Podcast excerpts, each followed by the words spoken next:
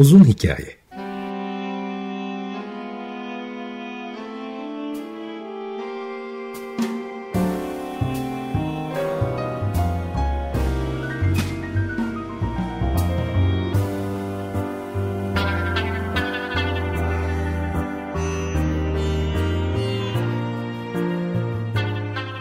Hazırlayan ve sunan Muzaffer Çorlu.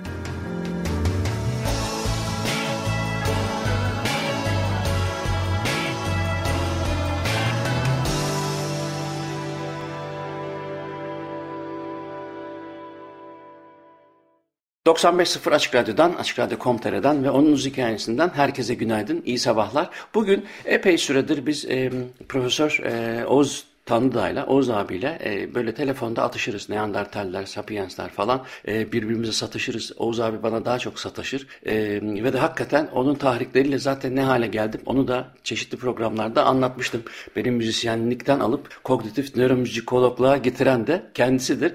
Bugün e, birkaç gün önce dedik ki bu Neandertaller, Homo sapiensler, kognisyonlar nedir ne değildir bir de beraber tartışalım. Çünkü e, ben konuşmalarımda e, makalelerimde özellikle tabii Neandertal flüdü hep anlatırım. Oğuz abi de e, bundan tahrik olup bana e, sataşır da, e, tabiri caizse. Bugün bir takım gerçekleri konuşacağız ama Oğuz abi sabah sabah dedi ki e, çok güzel güncel bilgiler var. İstersen oradan başlayalım. Oğuz abi hoş geldin. Önce tabii e, seni insanlar tanıyor kitaplarından özellikle de e, hakikaten çok ilginç beyin tarihi ve e, bilinçle ilgili enteresan kitapların var. E, onlardan da biraz bahsederiz. Ama e, tabii bir e, nöroloji uzmanı olarak, profesör doktor olarak yıllardır e, verdiğin hizmetler de ortada. Dolayısıyla bu konuyu seninle konuşmayacağım da kimle konuşacağım? Abi hoş geldin. Hoş bulduk Muzaffer'cim. Ee, seninle birlikte olmak çok güzel, anlamlı. Ee, bizim e, biliyorsun e, senin de sık sık e, belirttiğin gibi özel bir tarihimiz var. Bu özel tarihin içinde bana e, şey sıfatını yüklüyorsun. Yani seni bir yerlerden alıp çıkartıp. E, tabii. Yok aslında bu olayın başlangıcında senin müzik dünyada müzik dünyasından yani e, icracı olarak icracı olarak e, kopmana neden olan bir takım şeyler olmasaydı e, bilemiyorum nasıl bir sonuçlanacaktı bu ama tabii ama sende olan bir merakın bir şekilde doldurduğu bir boşluk bu. E, ve çok kendine özgü bir e, şey izliyorum sende ben. E, akademik bir e, yaşam öyküsü izliyorum. Herkese nasip olacak bir şey değil, herkes tarafından da yapılabilecek bir şey değil. Özellikle de yani seni e, bu e, direncin, motivasyonun ve uyumun için e, gerçekten tebrik ediyorum. Teşekkür o bakımdan bizim özel tarihimiz içinde bu buluşma çok önem arz ediyor. E, ben e, sabahleyin 0615 motoruyla e, bütün o kitapların işte konferansların ön hazırlıklarının yapıldığı Burgazada'dan geçerken e, son şeylerimi yaptım. Yani elimdeki kaynaklardan güvertede birkaç kişiyle birlikte otururken yani çok böyle mesafeli bir şekilde e, göz attım ve e, çok enteresan hiç hemen hemen hiç kendimi hazır hissetmediğim bir konuda bu kadar rahat hissetmem herhalde senden dolayı. Umarım öyledir. İnşallah hayırlara vesile olur. Yani çünkü e, genelde çok e, hazırlanma yanlısıyımdır. Tabii hazırlanma süreçlerinde sürekli değişim, değişiklik vardır. Yani geçen gün bir çalıştığım hastanedeki periyodik e, eğitim toplantılarından birinde Beyin ve Mutluluk isimli bir konferans verdim. ve bir, bir yem psikiyatrist ve psikoloğa karşı verdim ki ciddi bir cesaret anlamına geliyor bu. evet. E, ve huzursuzluk oluşturduğumu zaten gördüm. E, zoom, zoom olduğu için.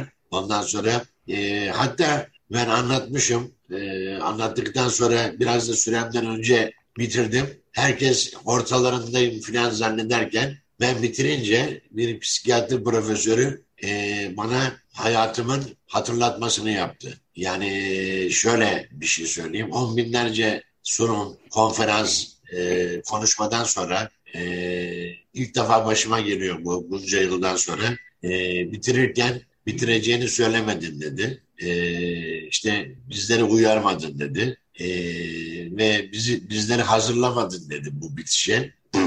Ona karşı şunu söyledim. E, ben 20 dakika önce bile e, değişiklik yaptım sunumumda. E, yeniden gözden geçirdim. Benim kafamda bitmedi ki dedim. Yani sen bitiş istiyorsun. E, bitir, bitirmeyi falan söz konusu ediyorsun. Bazı konular bitmez dedim kafalarda. Evet bu, bu da mesela bitmeyecek konulardan bir tanesi. Ve seni bu Sapiens Neanderthal meselesinde e, bayağı şey yaptığıma göre, e, uyardığıma göre diyelim. E, evet. e, bir şekilde üzerimde kaldı bu. Yani taraf olarak üzerimde kaldı. Evet bunu çözmemiz lazım. Taraf değilim. Yok çözemeyeceğiz. Çözemeyiz ama ben e, şeyde e, zaman zaman kendim de ihmal ederim ama e, şeyde düşün, düşüncede metot önemlidir. Yani düşün, düşünmede, düşüncede değil, düşünmede metot önemlidir. E, bu metot zaten hani e, kognitif bilimlerin de içinde yer alan bir düşünme metodu ve beynimiz nasıl müsaade ediyorsa o şekilde bir metot kuruyoruz. Ve herkese göre de değişebilir. Yani ben e, öncelikle şunu söyleyeyim. Böyle bir konuyu tartışacaksak bütünün parçaları olarak tartışmamız lazım. Bir de benim e, yapacağım uyarı kendi açımdan mümkün olduğu kadar geniş bir çerçevede ve yakalayabildiğim kadar büyük bir fotoğrafa bakarak hı hı. bu konuya yaklaşmak. Yoksa hominoid cinsi e,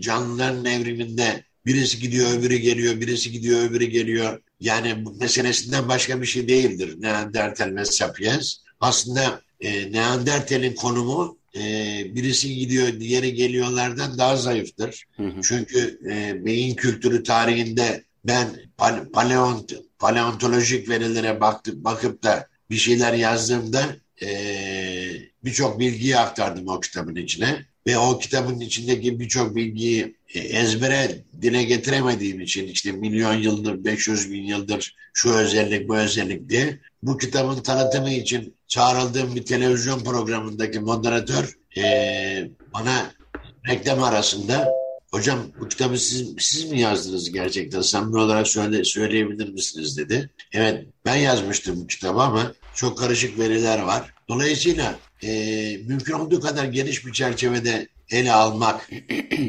yanlısıyım. E, o konuda bir hazırlığım var. Hı hı. Zaten o e, daha mümkün olduğunca geniş çerçeveden e, almak için sebeplerimiz de var. Özellikle tabii edebiyatta beyin hareleri yani evet. e, romanlar yoluyla beyni öğrenmek adlı kitabında ya da beynin yeryüzü suretleri, beyin kültürü tarihi gibi kitaplarda zaten e, genel olarak bir e, büyük resmi görme eğilimi olduğu için zaten bugünkü programda da elbette Aha. ki tabii homo sapiensler mi neandertaller mi gibi çok e, gereksiz bir tartışma yapacak halimiz yok ama e, konunun başlangıç esprisel espri idi o zaten. E, ben daha çok müzik konularını anlatırken, müziğin kognisyonunu anlatırken e, ki sen daha iyi biliyorsun beynin ne kadar büyük alanını kapsadığını, bir müziğin e, yapmasak bile dinlediğimizde e, neleri aktive ettiğini e, biliyoruz. Fakat tabii ben burada hep Neandertal flütünden yola çıktığım için öyle bir şey kaldı üzerimde.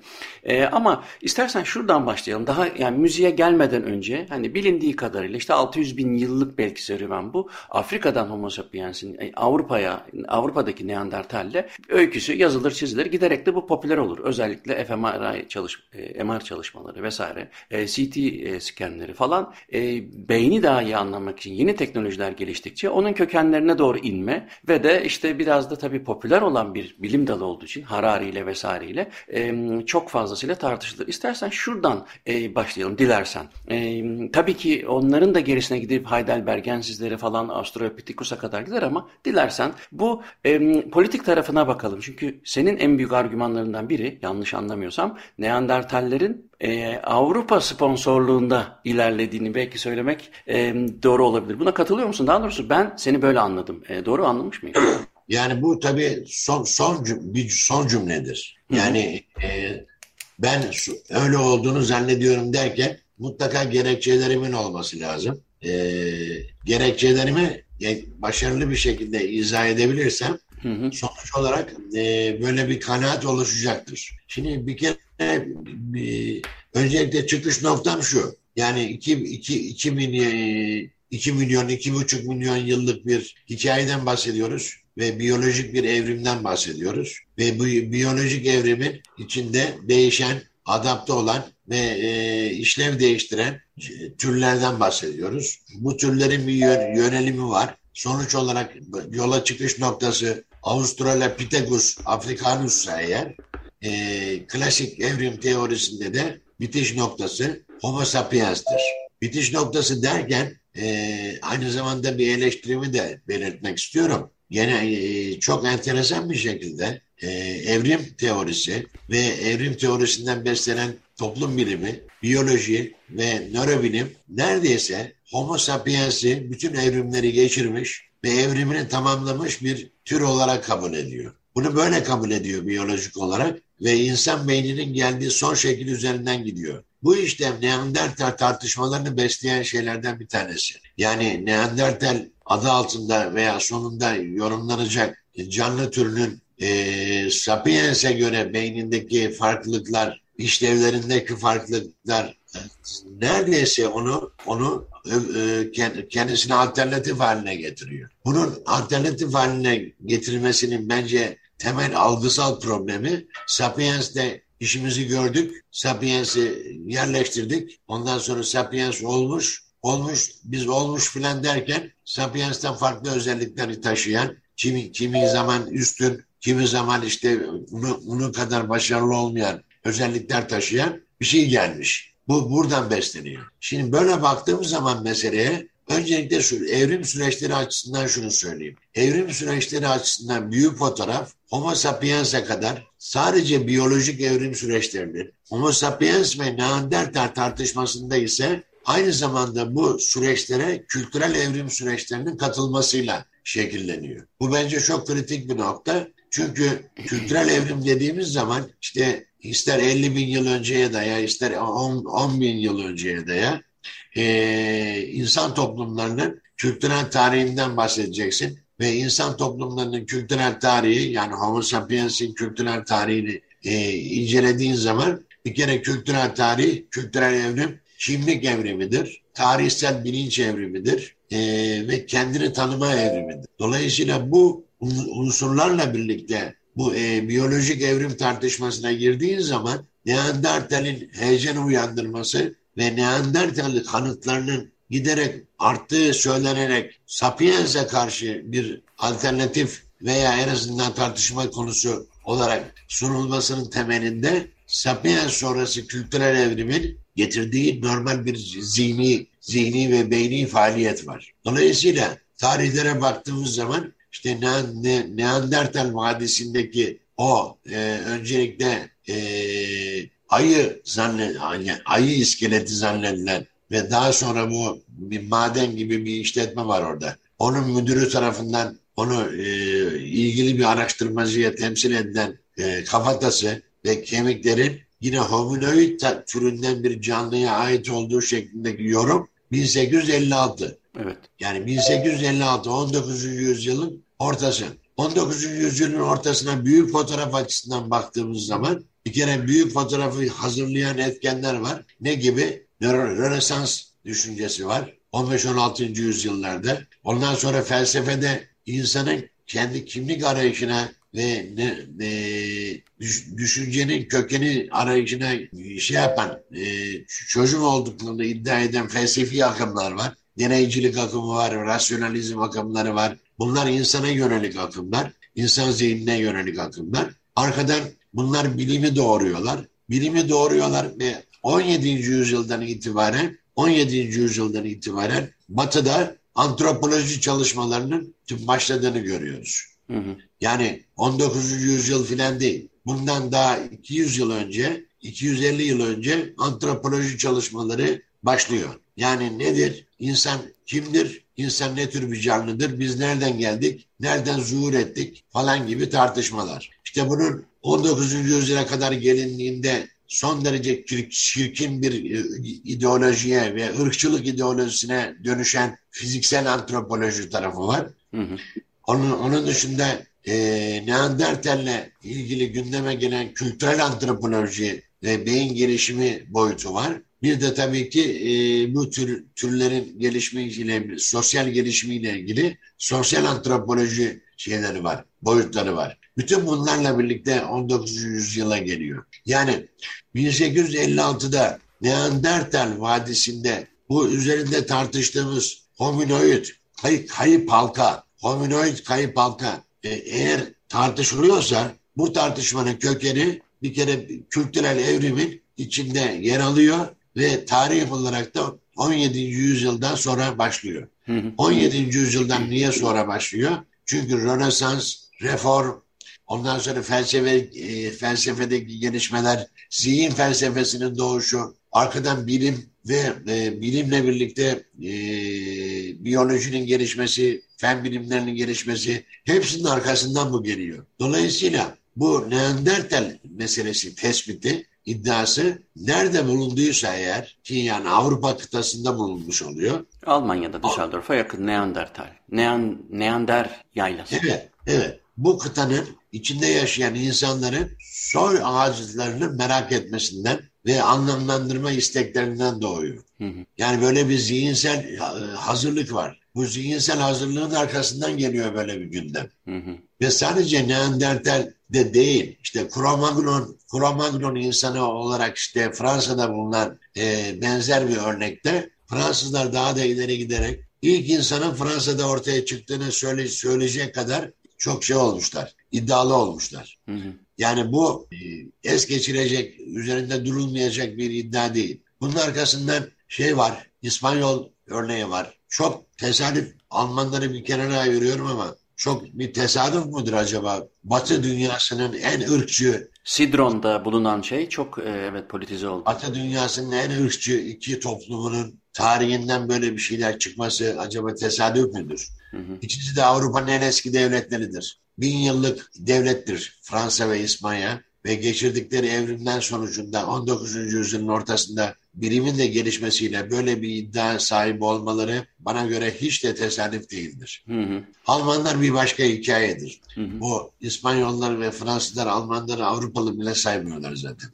Neyse o başka bir tartışma. Ama anladığım kadarıyla yani şu e, ciddi ciddi söylüyorsun bunu. Yani diyorsun ki e, 20 e, bin, 30 bin, 40 bin, 50 bin önemli değil ama bulunan e, kafa taslarından ya da fosillerden yola çıkarak söylediğin şey özellikle Almanya'nın, Fransa'nın, İspanya'nın ya da işte kendi topraklarında bulduğu fosillerden yola çıkarak o fosili anlamlandırmaya, e, medeniyetinin belki de ışığı olarak görmeye, dolayısıyla o fosilleri promosyonunu yapmaya e, kalktıklarını, bunun da bilim adamlarının belki de bu sebeple alet olduğunu söylüyorsun ve Neandertal hikayesine de biraz böyle bakıyorsun. Ben bunu böyle anlıyorum. Yani bunun altında bir e, kafa tasçı motivasyonun olduğunu da söylüyorsun. Neandertal üzerine ya da Homo sapiens üzerine e, ayrı ayrı kognisyonlar e, üretmenin. Öyle söylüyorum.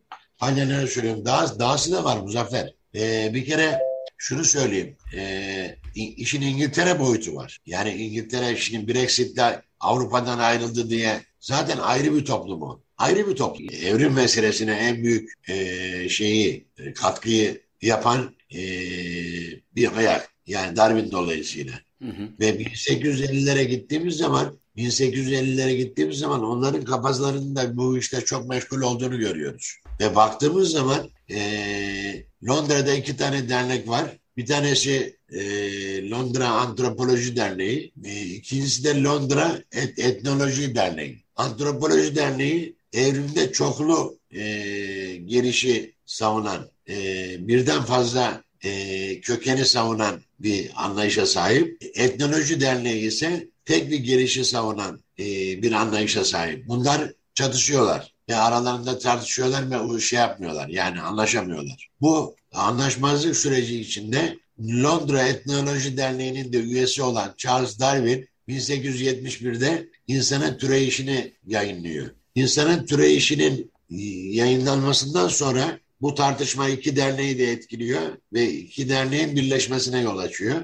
Ve sonuç olarak da İngilizler bu iki derneğin birleşmesiyle birlikte Darwin'in söylemleri doğrultusunda tekli tekli geliş evri, evrim teorisine şey yapıyorlar, e, kat, katılıyorlar. Onların da e, adada buldukları e, Neandertal eşdeğeri şeyler var, buluntular var. Ve sonuç olarak İngiltere ayağı da var. Yani şu ana kadar saydığımız Almanya, Fransa, İspanya İngiltere. Bilmem anlatabildim mi? Evet ama yani burada e, şunu anlamaya çalışıyorum. Bütün bu e, arkeolojik, antropolojik çalışmaların sonucunda yapılan yeni çalışmalarla beraber e, insanın türeşi olabilir ya da evrimiyle ilgili olabilir. Bunun bir şekilde bu sonuçların e, politik ve daha kafatasçı bir e, sebeple, motivasyonla kullanıldığını ima ediyorsun. Ben o, o tarafta kaldım. E, çünkü bu yani çok fazla şey konuşulan bir şey değil. Yani evrimin kendisine ya da Charles Darwin'in kendisine değil de o bilginin Hayır. ülkelerce, Hayır. politikacılarca nasıl kullanıldığına evet. ilişkin bir yorum bu. Yanlış tabii, anlaşılmasını istemiyorum çünkü. Yok istediği kadar yani dinleyenler yanlış anlamazlar aslında ama yani son, sonuç olarak yanlış anlaşılmaktan da en ufak bir korkum yok. Hı hı. Yani son, sonuç olarak e, evrim teorisini dokunulmaz, eleştirilmez bir tabu olarak hiçbir şekilde kabul etmiyorum. Bunu da açık açık söyleyeyim yani. Niye Ama Tabii. Eleştiri, eleştiri var, eleştiri var. Eleştiri var, eleştiri var. Var saymak var, yok saymak var. O ayrı, ayrı konular bunlar. Hı hı. Ama sonuç olarak eğer e, kültürel evrim sırasında bilimin de gelişmesiyle 17. yüzyıldan itibaren başlayan bir merak bazı a, a, paleontolojik verilerle bir boşluğu dolduruyorsa bu boşluk zaten doldurulmak zorunda. Yani o bekliyormuş. Dolayısıyla oradaki bilimin gelişme derecesi buna el veriyor. Yani o, oradaki merak ve ilgi oradaki e, şeylerin paleontolojik verilerin üzerinde inceleme yapılmasına e, şey veriyor, imkan tanıyor. Dolayısıyla e, kendini kültürel olarak, tarihsel olarak eski Yunan'a bağlayan, hatta onun da ayrı bir ayrıcalığı var. E, hatta eski Mısır'a bağlayan Avrupa medeniyeti biyolojik bakımdan da biyolojik bakımdan da biyolojik bakımdan da kendilerini evrimsel olarak Neandertal'e bağlama boşluğunu dolduruyorlar. Yani şöyle, şöyle e, bir kere benim kafamdaki tartışmaları e, kaynak kitaplarla tartışma gibi bir şeyim var, özelliğim var. Yani kitaplar dışında düşünemiyorum ben. Bu kafamdaki orijinal düşünce sadece benim kafamda zuhur etmiş bir düşünce mi? Yoksa bunun incelenmiş bir konu içinde gündeme gelmiş mi? Bu çok önemli benim için. Mesela yıllarca önce elime geçen ve e, başucu kitabım haline gelen Kara Athena diye bir kitap var. Kara Athena e, sinoloji e, uzmanı olan yani Çin bilgini olan Cornell Üniversitesi'nde de profesörlük yapan bir kişi tarafından Martin Bernard tarafından yazılıyor. Kara Athena'nın niye Kara Athena olduğunu söylemek gerekiyorsa bu kitabın esas tezi tartışmalar yaratan esas tezi Batı medeniyetinin Batı medeniyetinin Yunan Yunan medeniyetine dayanmadan önce Yunan medeniyetinin de Girit üzerinden eski Mısır medeniyetine dayandığı ve bilhassa 19. yüzyılda arkeolojik çalışmalarla yaratılan eski Yunan tarihini bir fabrikasyon olarak değerlendiriyor. Bir yeniden üretim olarak değerlendiriyor. Aslında Batı medeniyetinin eski eski Mısır medeniyetinin devamı olduğunu söylüyor. Hı hı. Şimdi kültürel olarak, kültürel olarak, arkeolojik olarak yani ben öteden beri de çok merak ediyorum. Mısır e, bilhassa İngilizlerin ve Fransızların tarihte, yakın tarihte yani son 300 yıl içinde falan son derece ilgisini çekmiş bir yer. Yani e, onların British Museum'da ve Louvre'da veya işte Par, e, Fransa'daki müzelerde ne kadar e, mumyalanmış e, şey Firavun var, ne kadar eski Mısır eseri var oradan anlayabiliriz. Muazzam derecede soymuşlar Mısır'ı yani. Sömürgecilik dolayısıyla. Ve aynı zamanda Napolyon'un eski Mısır eski yani Mısır seferine giderken yanına aldığı bilim bilim insanının sayısı 200. Bir de bu var. Yani adamlar sömürmeye gidiyorlar. Aynı zamanda bilim adamını da götürüyorlar. Oradan kendi tarihleriyle ilgili bir takım çıkarımlara ulaşıyorlar. Yani sonuç sonuç olarak bu kitap kültürel olarak Batı'yı nereye götürdüyse yani eski Mısır'a götürdüyse evrimsel olarak da de Neandertal tartışmaları Batı'yı, Batı'daki insanı e, Homo sapiens evrimi çizgisi üzerinden gelişmiş ama Avrupa'da ortaya çıkmış bir hominoid türü üzerinden yapıyor. Yani istediği kadar e, Neandertal benzeri fos, fosiller e,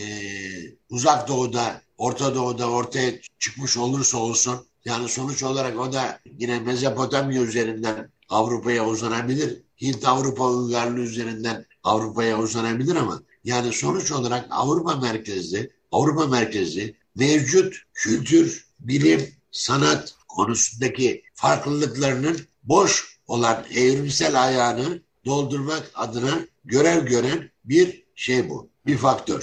Yani Neandertallerin neler yaptığı ile ilgili bir konu değil bu. Flütle ilgili bir konu değil. Hiç gö gömü törenleriyle ilgili bir konu değil bu. Yani yapmışlar tabii. Ama o yapan yapan canlının Avrupa medeniyetinin evrimsel sembolü olarak e, görüyorlar bu, bu adam.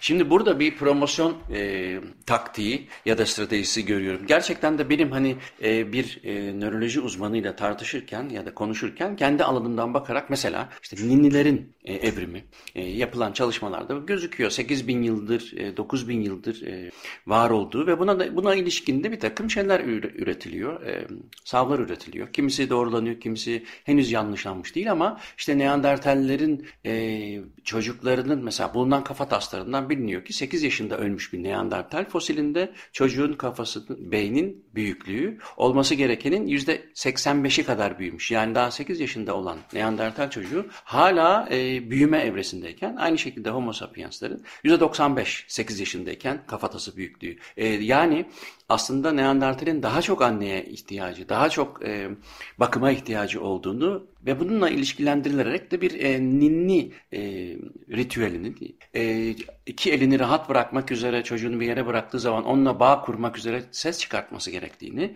ve de işte tabii ki e, larynx çevresinde yapılan çalışmalardan konuşmanın tam gelişmediğine e, ilişkin bir e, fikir varken o zaman müziğin yani ninninin konuşmadan önce geldiğini Buradan yola çıkarak da daha büyük resimde Neandertallerin müziği, e, sesleri daha doğrusu sesler yoluyla duyguyu anlatmayı kelimeler yoluyla e, anlatmaktan öncelediğini gösteriyor gibi çalışmalar var. Daha doğrusu e, iddialar var. Şimdi bunlar evet. e, doğru olur olmaz ya da yanlışlanır yanlışlanmaz. Fakat e, sen diyorsun ki bu aslında da emperyal zihinlerle e, kolonyalist e, tavırlarla öne çıkarılmış e, daha çok parlatılmaya çalışılan bir politik background'a sahip. Doğru mu? Evet. Esas düşüncem bu. Hı. Yani evrimle ilgili bir eleştirim veya Neandertal'i yok sayma gibi bir düşüncem yok. Hı hı. Yalnız o medeniyetin kendisi için eksik kalan bir boşluğu doldurmak için ideolojik bir şey olarak kullanıldığını söylüyor. Hı hı Yani sadece bilimsel bir veri olarak değil. Aynı zamanda aynı zamanda şunu söylüyorum. Neandertal'in e, beyni Homo sapiens'in beyninden daha büyük olduğu varsayılan, kafatası daha büyük olduğu varsayılan e, ve beynindeki kıvrım, girinti ve çıkıntı sayısının sapiens'ten daha fazla olduğu sayılan e, varsayılan bir şey, tür veya türün üyesi. Bütün bunları beyin ve zeka ilişkisinden, beyin ve bilim, bilinç ilişkisinden, beyin ve sanat ilişkisinden, artık kognitif nörobilimlerle beyin ilişkisinden yola çıkarak işte biz Avrupa'da dünya avcı toplayıcı aşamadayken dünyadaki birçok toplumlar hala biz Avrupa'da bir medeniyet yarattıysak, Avrupa'da bir medeniyet yarattıysak bu medeniyetin biyolojik öncüsü Neandertal'dir diyorlar. Ama bu yani e, e, o kadar da doğru değil ki bunu iddia edecekleri kadar bilgi yok ki. Bir de tabii bir, ben bu konuyla ilgili senin gibi düşündüğünü e, tahmin ettiğim bazı yazarları okuduğumda e, Avrupalı bilim adamlarının özellikle biraz önce senin de söylediğin gibi 17. yüzyıldan beri kendi varlıklarını en azından Avrupa'daki 20 bin 30 bin ya da buzul çağından sonra diyelim buzul çağından sonra Avrupa'daki varlıklarını temellendirme ve de işte bak e, kendini biraz daha e, önceleme adıyla çok e, hatta ne kadar çok yalan yanlış e, e, şeyler de yapılmış. Bazı fosillerin hatta modifiye edildiğini de falan e, bazı sahtekarlıkların yapıldığını Oxford Üniversitesi'nde 18. yüzyılda bile bunları görüyoruz. Fakat e, şimdi bu yapıl, yapılan 1920'lerde bir o milliyetçilik akımının çok ileri gittiği zaman ki Türkiye'de de bazı çalışmalar var. E, bunun kötüye kullanılması e, son derece akla mantığa yakın geliyor. Politikacılar elbette ki eğer milliyetçilikten beslenecekse kendi tarih tarihlerini biraz da fosillere kadar e, gidip daha bir 10 bin, 20 bin, 30 bin yıl geriye getir. Ama e, Homo sapiensler ile Neandertaller arasında o farkı net bir şekilde ortaya koyacak bilgi yok ki. Yani ben e, her gün güncelliyorum evrimsel biyolojik açıdan. Evet. E, her gün e, journalları takip ediyorum ve de e, hiçbir şekilde bu Avrupalıların iddia ettiği gibi e, Neandertallerin e, Avrupa medeniyetinin e, öncüsü, yaratıcısı olarak Homo sapienslerden ayrıldığını söyleyebilecekleri done yok. Kaldı ki beyin büyüklüğü açısından da bakılırsa evet hacmen bir büyüklük var ama frontal korteks değil, oksipital lob büyüklüğünden kaynaklanan bir şey. Yanılıyor muyum? Şöyle söyleyeyim, e, yani bilim bilim e, hipotezlerle giden, hatta düşünce, düşünme hipotezlerle giden e, bir süreç ve dolayısıyla e, Alpler, Alplerde bulunan bir Alplerdeki buzullarda bulunan bir e, şeyde e, yanında ok ve yay olan bir e, paleontolojik fo- fosil örneğinden yola çıkarak geçen gün BBC'deki bir belgesel sırasında izledim. E, bu fosilin neler yapabileceğini, kim olduğu konusunda arkeoloji dünyasında, paleontoloji dünyasında o kadar çok farklı spekülatif hipotez ortaya atılmış ki önemli olan bu hipotezlerin ortaya atılması diyorlar. Yani sonuç olarak e, birbiriyle çelişki içinde olan, birbiriyle hiç bağdaşmayan ama bizim düşünce kapasitemizi, sınayan türlü çeşitli ihtimaller ortaya atılmış. Başka örneklerle bunları birleştiriyorum. Senin eski gitar öğrencinin şu anda yaşadığı Stuttgart'ta, Stuttgart Bilim ve Teknoloji Müzesi'ne götürdü beni. Oğlum Sinan. Hı hı. Stuttgart Bilim ve Teknoloji Enstitüsü hem aynı zamanda arabalar Stuttgart'taki biliyorsun e, otomat, otomotiv endüstrisinin de e, e, ürünleri falan var. Ve müzenin hemen girişinde ilk panonun Neandertallere ayrılmış olması şu anda benim için bu örneklere eklenmesi gereken bir örnek teşkil ediyor. Hı. Buna karşılık Sinan bunu gayet doğal görüyor çünkü Ne- Neandertal e, vadisi pek uzak değil bize. Burada bulundu diyor. Anladım Yani da. iki- 300 kilometre. Anladım da, anladım da. Bilim ve Teknoloji Müzesi'nde girişe, Bilim ve Teknoloji Müzesi'ndeki gezintiye Neandertal'le başlamanın sembolik bir anlamı olsa gerek. Hı hı. Bunun tersi de oldu. Broca lafını duy, adını duymuşsundur. Duymaz mıyım? Tabii duymuşsundur. Broca sonuç olarak keşfini yaptıktan sonra yani konuşamayan hastasının sol beyninde çukurlaşmış bir bölgeyi konuşma merkezi olarak tespit ettikten sonra çok ünlendi ve 1865'te yaptığı bu otopsi kayıtlarının arkasından 1871'de Darwin'in İnsanın Türeyişi kitabı geliyor. Dönem çok heyecanlı bir dönem ve bütün bu verilerini Paris Antropoloji Derneği'nde takdim ediyor. Tıp kongresinde falan değil. Ve Paris Antropoloji Kongresi'nde takdim eden bu Broca çok çok ünlen, ünlenip de bir Fransız senatörü olduktan sonra düpedüz, düpedüz Afrika kökenli insanların ve kadınların beyninin beyaz erkeklere göre daha küçük olduğunu iddia eden fiziksel antropolog bir ırkçı haline dönüşüyor. Bu bizim bunun- Broca. Broca area dediğimiz Evet, yer. evet. Pierre, Pierre Paul Broca. Peki Wernicke? Wernicke, Wernicke'nin öyle bir günahı yok. Wernicke Alman nöroloğu. E, düzgün konuşamayan, saçma sapan konuşan e, ve kolunda bacağında bir şey olmayan bir insanın beyin hastası olduğunu ispatlamış bir adam yani. Esas önemi oradan geliyor. Hı. Yani Wernicke'nin ispatladığı e, beyin hastası olarak ispatladığı vakalara hala e, psikiyatride elektrokonvulsif terapi uygulanıyor. Psikiyatri hastası diye.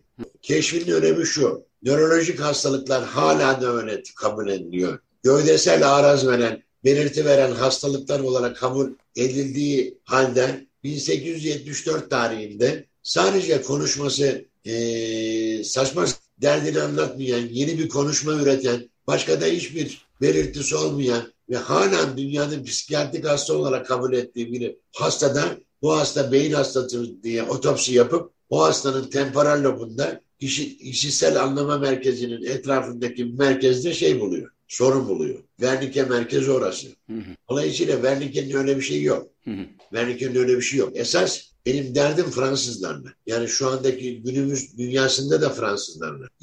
Şu anda mesela Afrika kıtasında 28 ulus Fransızca ana dili olarak konuşuyor. Bilmem anlatabildim mi? Hı hı. Yani bizim dert etmemiz gereken modern sömürgeciliğin moder- modernize edilmiş en önemli örneklerinden bir tanesi. Baskıcı bir devlet, özgürlükçü bir devlet falan değil. Ama tarihi de bunlardan oluşuyor. Sonuç olarak Broca diyor ki siyahların beyni küçüktür, kadınların beyni küçüktür, onlar aptaldır, geri zekalıdır diyor. Ve böyle çok ünlü bir Fransız senatörü olarak da ölüyor. Oğuz abi istersen bir müzik arası verelim. Benim bugün e, dinlemek istediğim son, son günlerde beni çok etkiliyor. E, Masar Alanson'un e, Benim Hala Umudum Var şarkısını çalabilirsek bu programda. Tamam peki. çok çok sevineceğim. Tamam. Şarkıdan sonra ikinci bölümde devam edelim.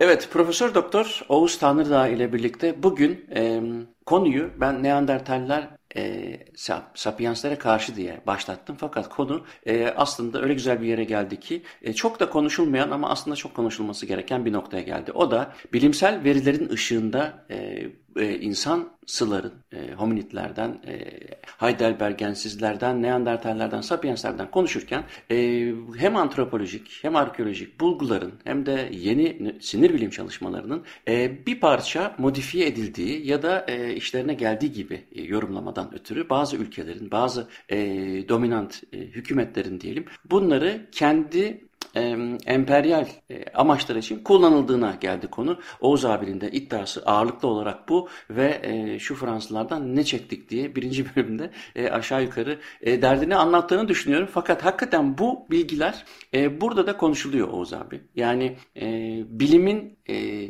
iktidara genel anlamda iktidarlara nasıl hizmet ettiği ya da sömürgeciliğe evet. nasıl ışık tuttuğu, evet. e, bilim ada insanların böyle bir niyeti olmasa dahi, e, genellikle olmasa dahi, belki e, bazılarının bunu kullanması da biraz önce e, ünlü e, nörobilimci e, Broca'nın, bugün konuşma merkezi diye bilinen Broca merkezinin e, ismini vermiş kişinin sonra senatör olduktan sonra e, ne kadar kafatasçı ve ırkçı açıklamalarda bulunduğunu sen söyledin. İstersen buradan biraz daha devam edelim çünkü evet. e, hem e, Brexit'le bugün gündeme gelen İngiltere'nin Charles Darwin belki de hatta işte başka başka ki Charles Darwin Lamarck ilişkisi de ne kadar e, evet, gene evet. politik Şimdi şöyle söyleyeyim. Şöyle, şöyle söyleyeyim. E, aslında Neandertal e, Avrupa insanının evrimsel modeli olarak kabul edildiğinde 1860'ların 50'lerin çok merkezli evrim şeyine tekrar dönülüyor. Yani tek merkezli şeyden çıkılıyor, çok merkezli te, şey, tekrar oraya dönülüyor. Çünkü e, bu anlayış ve kabul içinde Homo sapiens Orta Afrika savanlarından çıkmış ve dünyaya yayılmış bir hominoid olarak kabul edilmek e, kabul edilmeyi sürdürüyor. Ama aynı zamanda bunun üzerine bunun üzerine Homo sapiens Avrupa'ya gelmemiştir filan denmiyor ama Homo sapiens'in yanı sıra onunla birlikte yaşayan, büyük bir ihtimalle onunla karışan fakat yine de bazı üstün özelliklerini Homo sapiens'e aktaran Neandertal soyunun Avrupa'dan kaynaklanan bir soy olduğu da söyleniyor. Hı hı. Dolayısıyla çok merkezli evrim teorisine dönülmüş oluyor. Hı hı. Peki Denisovan insanı bu Sibirya tarafından e, sonuçta bir karışıklık var. Şu anda 99.7 oranında bir DNA ortaklığı var yanlış bilmiyorum. Var, var. Bunların e, Neandertal, Denisovan bunların genetik ortaklıklarının oranları farklı. Hı hı. Yani, Denisovan'a daha yakın bildiğim kadarıyla Neandertal. Evet, evet, evet, evet. Böyle. E, bunu bir kere böyle söyleyeyim. Onun dışında genel düşünce çerçevem açısından şunu da söylemeyi e, görev addediyorum. O da şudur. Bizim modernist kafalarımızda modernimiz, modern, modernizmin bizim e, biçimlendirdiği kafa yapılarımızda ki e, içgüdüsel olarak bunu gayet normal kabul ediyoruz.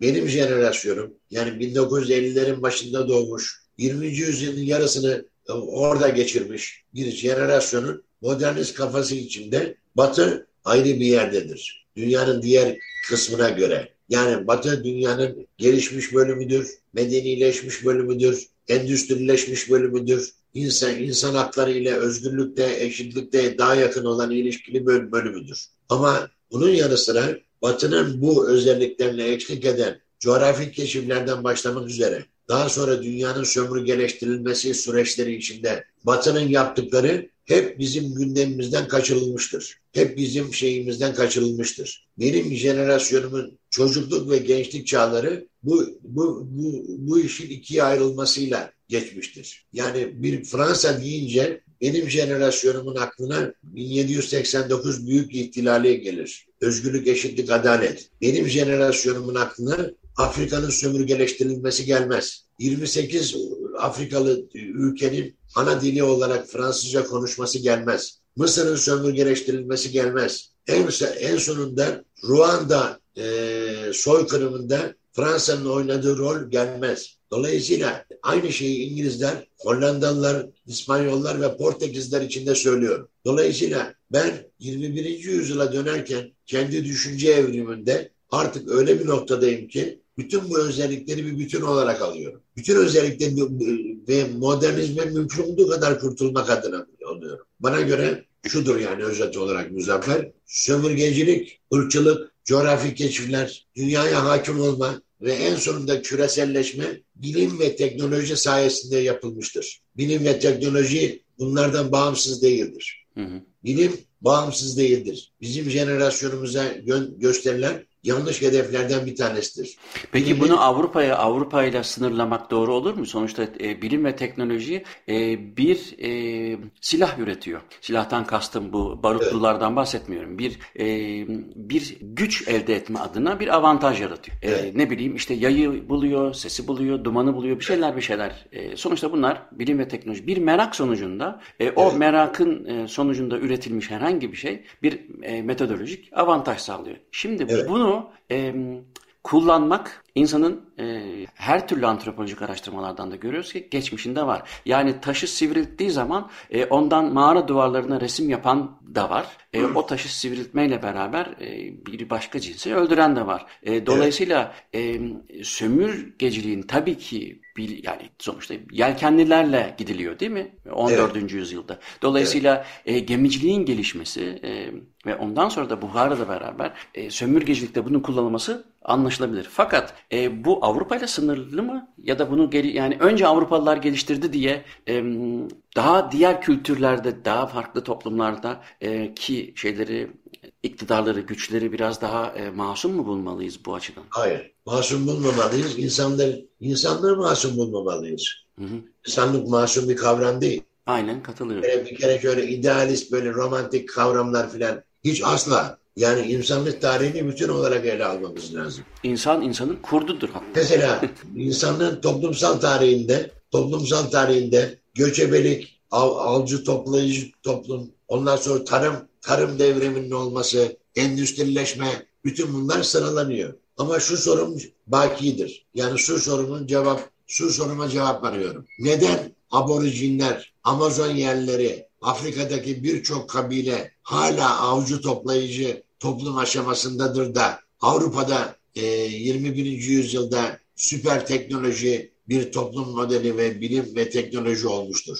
Bunun anahtar kavramı Orta Çağ'dan itibaren coğrafi keşiflerle birlikte dünyanın geri kalan bölümünün inanılmaz derecede e, zenginliklerinin Avrupa'ya yığılması ve Avrupa'daki bilhassa kadim İspanyol ve Fransız şeylerinin e, devletleri tarafından toplumsal gelişimin, toplumsal evrimin hızlandırılmasıdır. Sermaye birikimiyle birlikte. Yani dolayısıyla burada aynı geçmişten geliyorlar. Fakat aynı geçmişten gelenler sömürgeleşme yoluyla sömürgeleşme yoluyla büyük bir bölüm aynı aşamada kalıyor ve kalmaya devam ediyor. Avrupa'da merkezlenen ufak bir bölüm ise çok daha fazla toplumsal, ekonomik, kültürel gelişme sağlıyor. Bu eşitsiz gelişimin temelinde insanlığın gelişimini bölen veya aksatan sömürgecilik ve bunun e, şeyi olan, avatarı olan ırkçılık toplumsal gelişimi e, bölen ve engelleyen ana unsur olarak ortaya çıkıyor. Hı hı.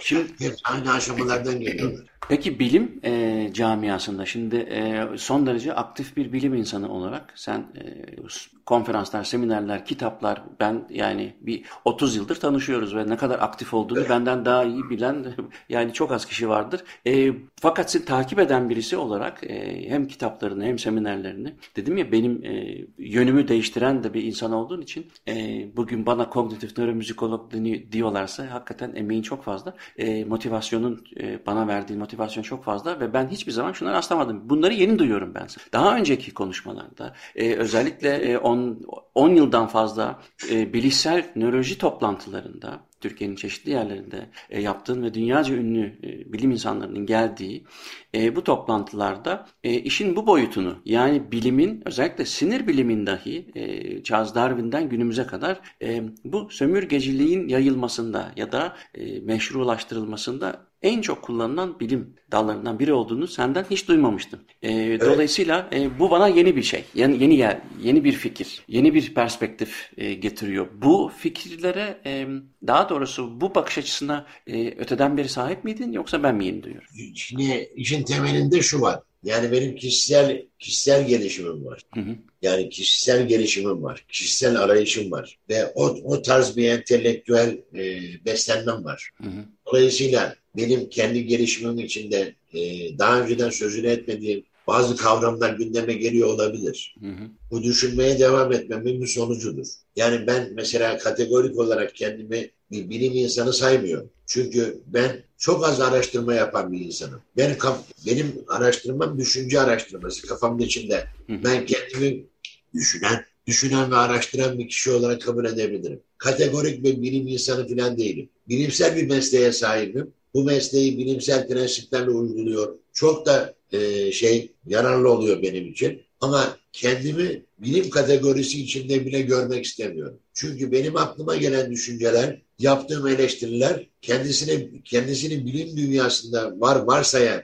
insanların çoğunu da rahatsız da edebilir. Hı hı. Ben buna karşı kendimi bunun dışına alıyorum. Nitekim mesleki oryantasyonlar içinde biliyorsun Marmaris toplantıları sırasında sen de bunu e, tespit etmiştin. Hemen hemen hiçbir konuşma yapmadım ben. Evet. Davetli konuşmacılar konuşuyorlardı. Ben başka işlerle uğraşıyordum. Ama o yapılan konuşmaları da izliyordum. Onun dışında kendi, kendi mesleğimle ilgili olan bir, bir grup insanla birlikte e, Türk Nöroloji Derneği çerçevesi içinde bir çalışma grubu kurup da yıllarca onlarla birlikte olduktan sonra bazen benim benim bile korktuğum düşünceler aklıma geldiği için bağımsızlaşma adına o topluluktan da ayrıldım. Hı hı. Ben gerçekten inandığım düşünceleri dile getirebilmek için mümkün olduğu kadar bağımsız olmayı hedefleyen, mümkün olduğu kadar bağımsız olmayı özleyen ve ve o ancak o konumda göğsümü gere gere ben böyle düşünüyorum diyebilen bir insan. Bu bağımsızlıktan tam olarak kasıt herhangi bir affiliation'ın olmaması mı? Evet. Ee, yani kur, bir kurumda çalışıyorum. Üniversite öğretim üyesiyim. Bir hocayım. Ders anlatıyorum. Derslerim sırasında bunları da mümkün olduğu kadar uygun şeylerle ifade ediyorum. Ama e, yıllar içinde gördüm ki bilim de, bilim dünyası da kurumsallıkları içinde, hakim olan ideolojileri içinde benim çok eleştirdiğim düşünce tarzlarına, kategorik yaklaşımlara sahip bir dünya. Yani masum bir dünya değil. Hı hı. Biraz önce biraz önce e, e, Avrupalıların kendi medeniyetleri için e, antik Yunan'a, antik Mısır'a kadar indirgediğini ama bunun doğru olmadığını, bunun doğru sayılamayacağını e, ima ettin. Yanlış mı anladım? Yok. Yani şöyle söylemek istedim. Ben Martin Bernard gibi düşünüyorum. Avrupa medeniyetinin kökleri hı hı. Eski, eski Mısır'dadır. Hı hı. Ben şeye doğru de, değil dedim. 19. yüzyılda e, Yunanistan'da yapılan arkeolojik kazılar sonucunda bulunan e, şeyler, arkeolojik e, zenginlikler dolayısıyla Batı, özellikle de Almanlar bir Yunan tarihi şey yaptılar, uydurdular. Ben buna karşıyım. Hı hı. Yani işi işi yine Avrupa'dan, Yunanistan'dan başlattılar.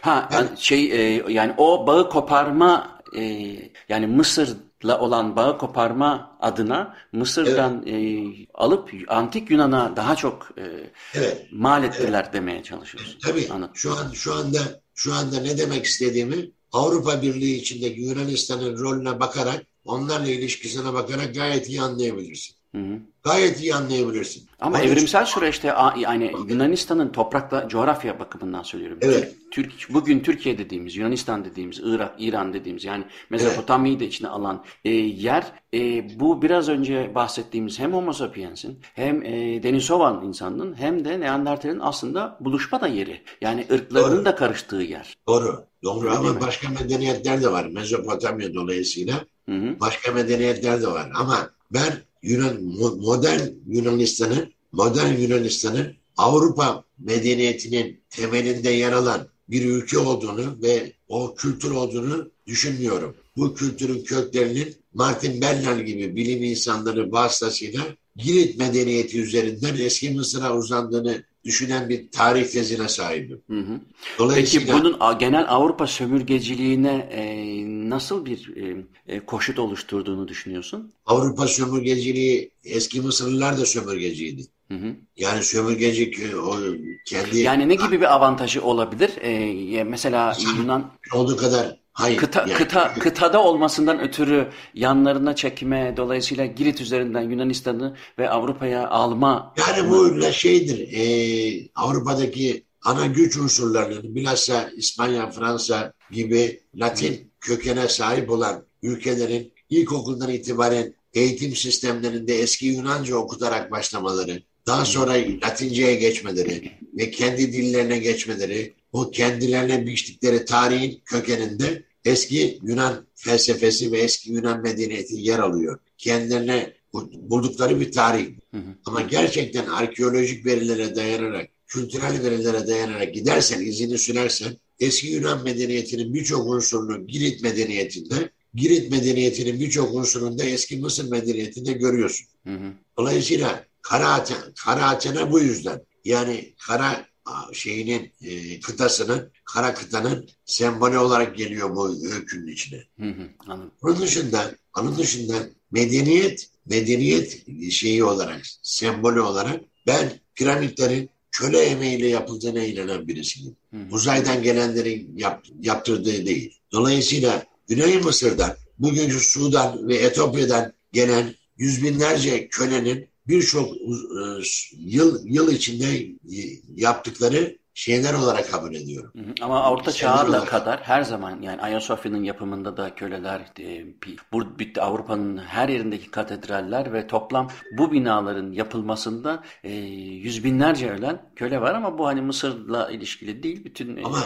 önemli olan önemli olan köle emeğinin köle emeğinin e, kullanılması sayesinde insanların evrim çizgisindeki kültürel evrim çizgisindeki yerinin bazı toplumların kaybettirilmesi ve avantajlı durumdan çıkartılması. Yani Batı medeniyetinin kökleri tamamen başka insan topluluklarının emeklerinin sömürülmesine dayanıyor. Hı hı. Onun için Marksizmin Avrupa'da ortaya çıkması da hiç sürpriz değil. Kapitalizmin Avrupa'da ortaya çıkması hiç sürpriz değil. Paul, Paul Broca'nın Avrupa'da çıkması hiç sürpriz değil. Neandertal Vadisi'nde Neandertallerin bulunması hiç sürpriz değil. Ben bütün bunları birleştiriyorum. Anladım. Ya en başında hani o en büyük resme baktığımız zaman Evet. e, aslında bunun e, ideolojik e, bilimin ideolojik sebeplerle e, nasıl Avrupa'nın lehine yontulduğunu anlatmaya Evet. çalışıyorsun. Evet, bilim, teknoloji, sömürgecilik, ırkçılık aynı bütünün parçaları benim için. Ama bunu ben ben bir tek şeyi iyi anlamak istiyorum. E, kişisel olarak e, hemen hemen birçok şeye katılıyorum ama e, onu sen de söyledin zaten. Bu e, Avrupa insanının kötücüllüğünden değil, insanın genel olarak kötücüllüğünden. Evet. Yani coğrafyayı yer değiştirsek eğer Afrika'da bu bilime teknoloji başta ilerlemiş olsaydı bu sefer Afrika'nın sömürücülüğünden bahsedecektik. Hayır, hayır, hayır. Ben e, coğrafi bir merkeziyetçilik içinde konuşmuyorum. Tamam. O da o da bir çeşit kültürel ırkçılık olur. Hı hı. Yani böyle bir şeyi kastetmiyorum çünkü bu insan emeğinin bu şekilde kullanımı insanlık tarihinde bilhassa yani yine e, bir şey söyleyeceğim ama yine Avrupa kıtasından kaynaklanan bir şey. Roma Roma İmparatorluğu Hı hı. köleci bir imparatorluktu yani. E, Ama köleci bir imparatorluktu. e, Mısır da öyle değil mi? Ama Pe- Persler de köleciydi. Evet, Persler. Eski Mısırlılar köleciydi. Modern modern modern çağlarda Japonya'nın Kore'ye ve Çin'e yaptıklarını biliyoruz. 20. yüzyılda dahi. Evet, bu anlamdaki bu anlamdaki ırkçılığı ve sömürgeleştirmeyi yalnız ben Osmanlı İmparatorluğu'nda pek aynı modelde görmediğimi de söyleyeyim. Hı hı. Farklı bir şey, farklı bir yönetiş biçimi. Tabii ki oradan insan aktararak, eee, hazır insan gücünden faydalanarak, vergiye bağlayarak, ekonomik olarak bağımlı ama diline ve dinine karışmadan toplumların kalması başka bir şey olabilir. Başka bir yönetim biçimi olabilir. Hı hı. Şimdi mesela eee, şu anda arabaya binsen 4 saatte gittiğin Sofya'da insanlar Bulgarca konuşuyorsa, Atina'da Yunanca konuşuyorlarsa, Belgrad'da Sırpça konuşuyorlarsa ve onlar Ortodoks, Katolik gibi Hristiyan dininin mensupları ise bunların bir nedeni olması gerekir. Bir açıklaması olması gerekir. Bu açıklamada bizim Avrupa medeniyetinden ve yönetim tarzından, imparatorluk biçiminden farklı bir geçmişe sahip olmamızdan kaynaklı. O tarafa getirdiğim yorum da bu. E, böylece bitirelim bugünkü programı. Profesör Doktor Oğuz Tanrıdağ ile e, Neandertaller, e, Homo sapiensler ve kognisyon konuşarak başladık ama Oğuz abi dedi ki büyük pencereyi görelim ve e, özellikle Batı dünyasının e, bilim ve teknolojiyi kullanarak e, bütün bu bilim konularını aslında ne kadar da sömürgeciliğin ortasına koyduğunu anlatmış olduk. Konuşmuş olduk biraz ama e, yarım kaldıysa e, mutlaka tamamlarız. Bana ulaşmak için Muzaffer Corlu Gmail adresini kullanabilirsiniz. E, Açık Radyo'nun bu programı Spotify'dan tekrarlayacağını, görüntülü versiyonunda Muzaffer Corlu YouTube kanalında olacağını hatırlatarak hepinize günaydın. İyi günler.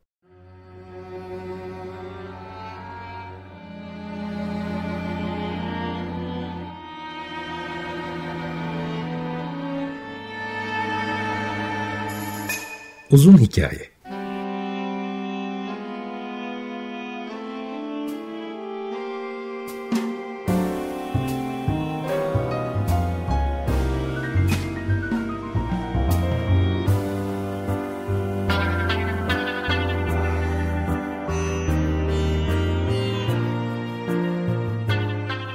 Hazırlayan ve sunan Muzaffer Çorlu